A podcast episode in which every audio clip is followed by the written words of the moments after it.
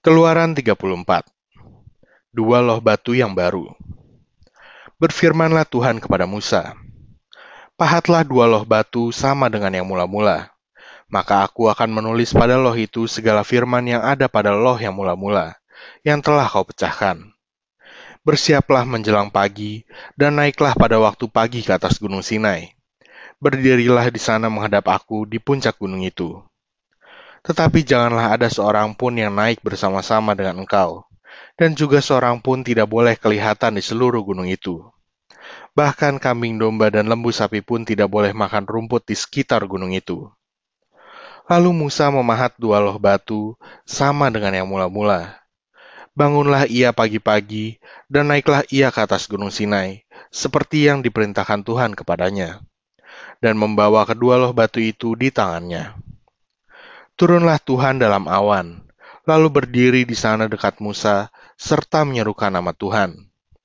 Berjalanlah Tuhan lewat dari depannya dan berseru, Tuhan, Tuhan, Allah penyayang dan pengasih, panjang sabar, berlimpah kasihnya dan setianya, yang meneguhkan kasih setianya kepada beribu-ribu orang, yang mengampuni kesalahan, pelanggaran, dan dosa tetapi tidaklah sekali-kali membebaskan orang yang bersalah dari hukuman, yang membalaskan kesalahan bapa kepada anak-anaknya dan cucunya, kepada keturunan yang ketiga dan keempat.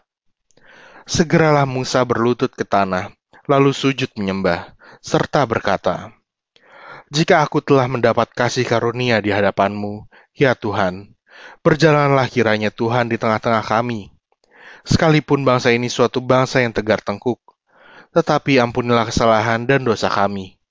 Ambillah kami menjadi milikmu. Firmannya, Sungguh, aku mengadakan suatu perjanjian. Di depan seluruh bangsamu ini akan kulakukan perbuatan-perbuatan yang ajaib, seperti yang belum pernah dijadikan di seluruh bumi di antara segala bangsa.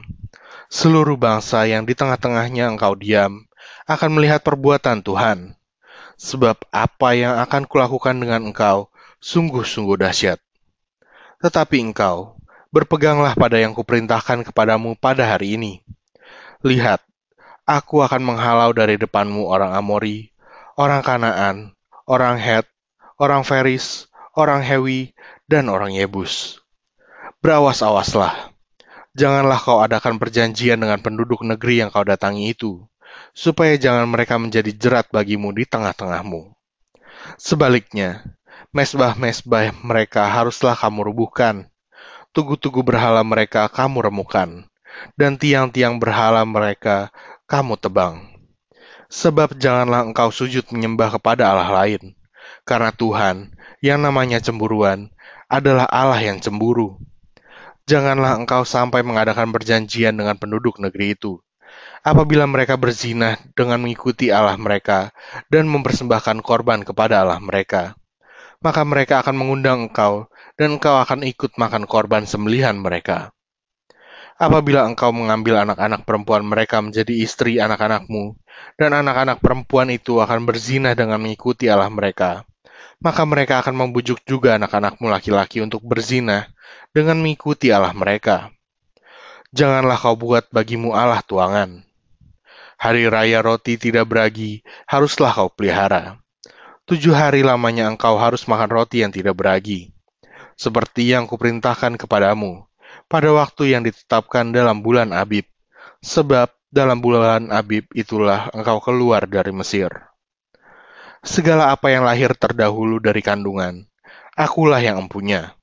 Juga segala ternakmu yang jantan, anak yang lahir terdahulu dari lembu atau domba tetapi anak yang lahir terdahulu dari keledai, haruslah kau tebus dengan seekor domba. Jika tidak kau tebus, haruslah kau patahkan batang lehernya. Setiap yang sulung dari antara anak-anakmu haruslah kau tebus, dan janganlah orang menghadap ke hadiratku dengan tangan hampa. Enam harilah lamanya engkau bekerja, tetapi pada hari yang ketujuh haruslah engkau berhenti.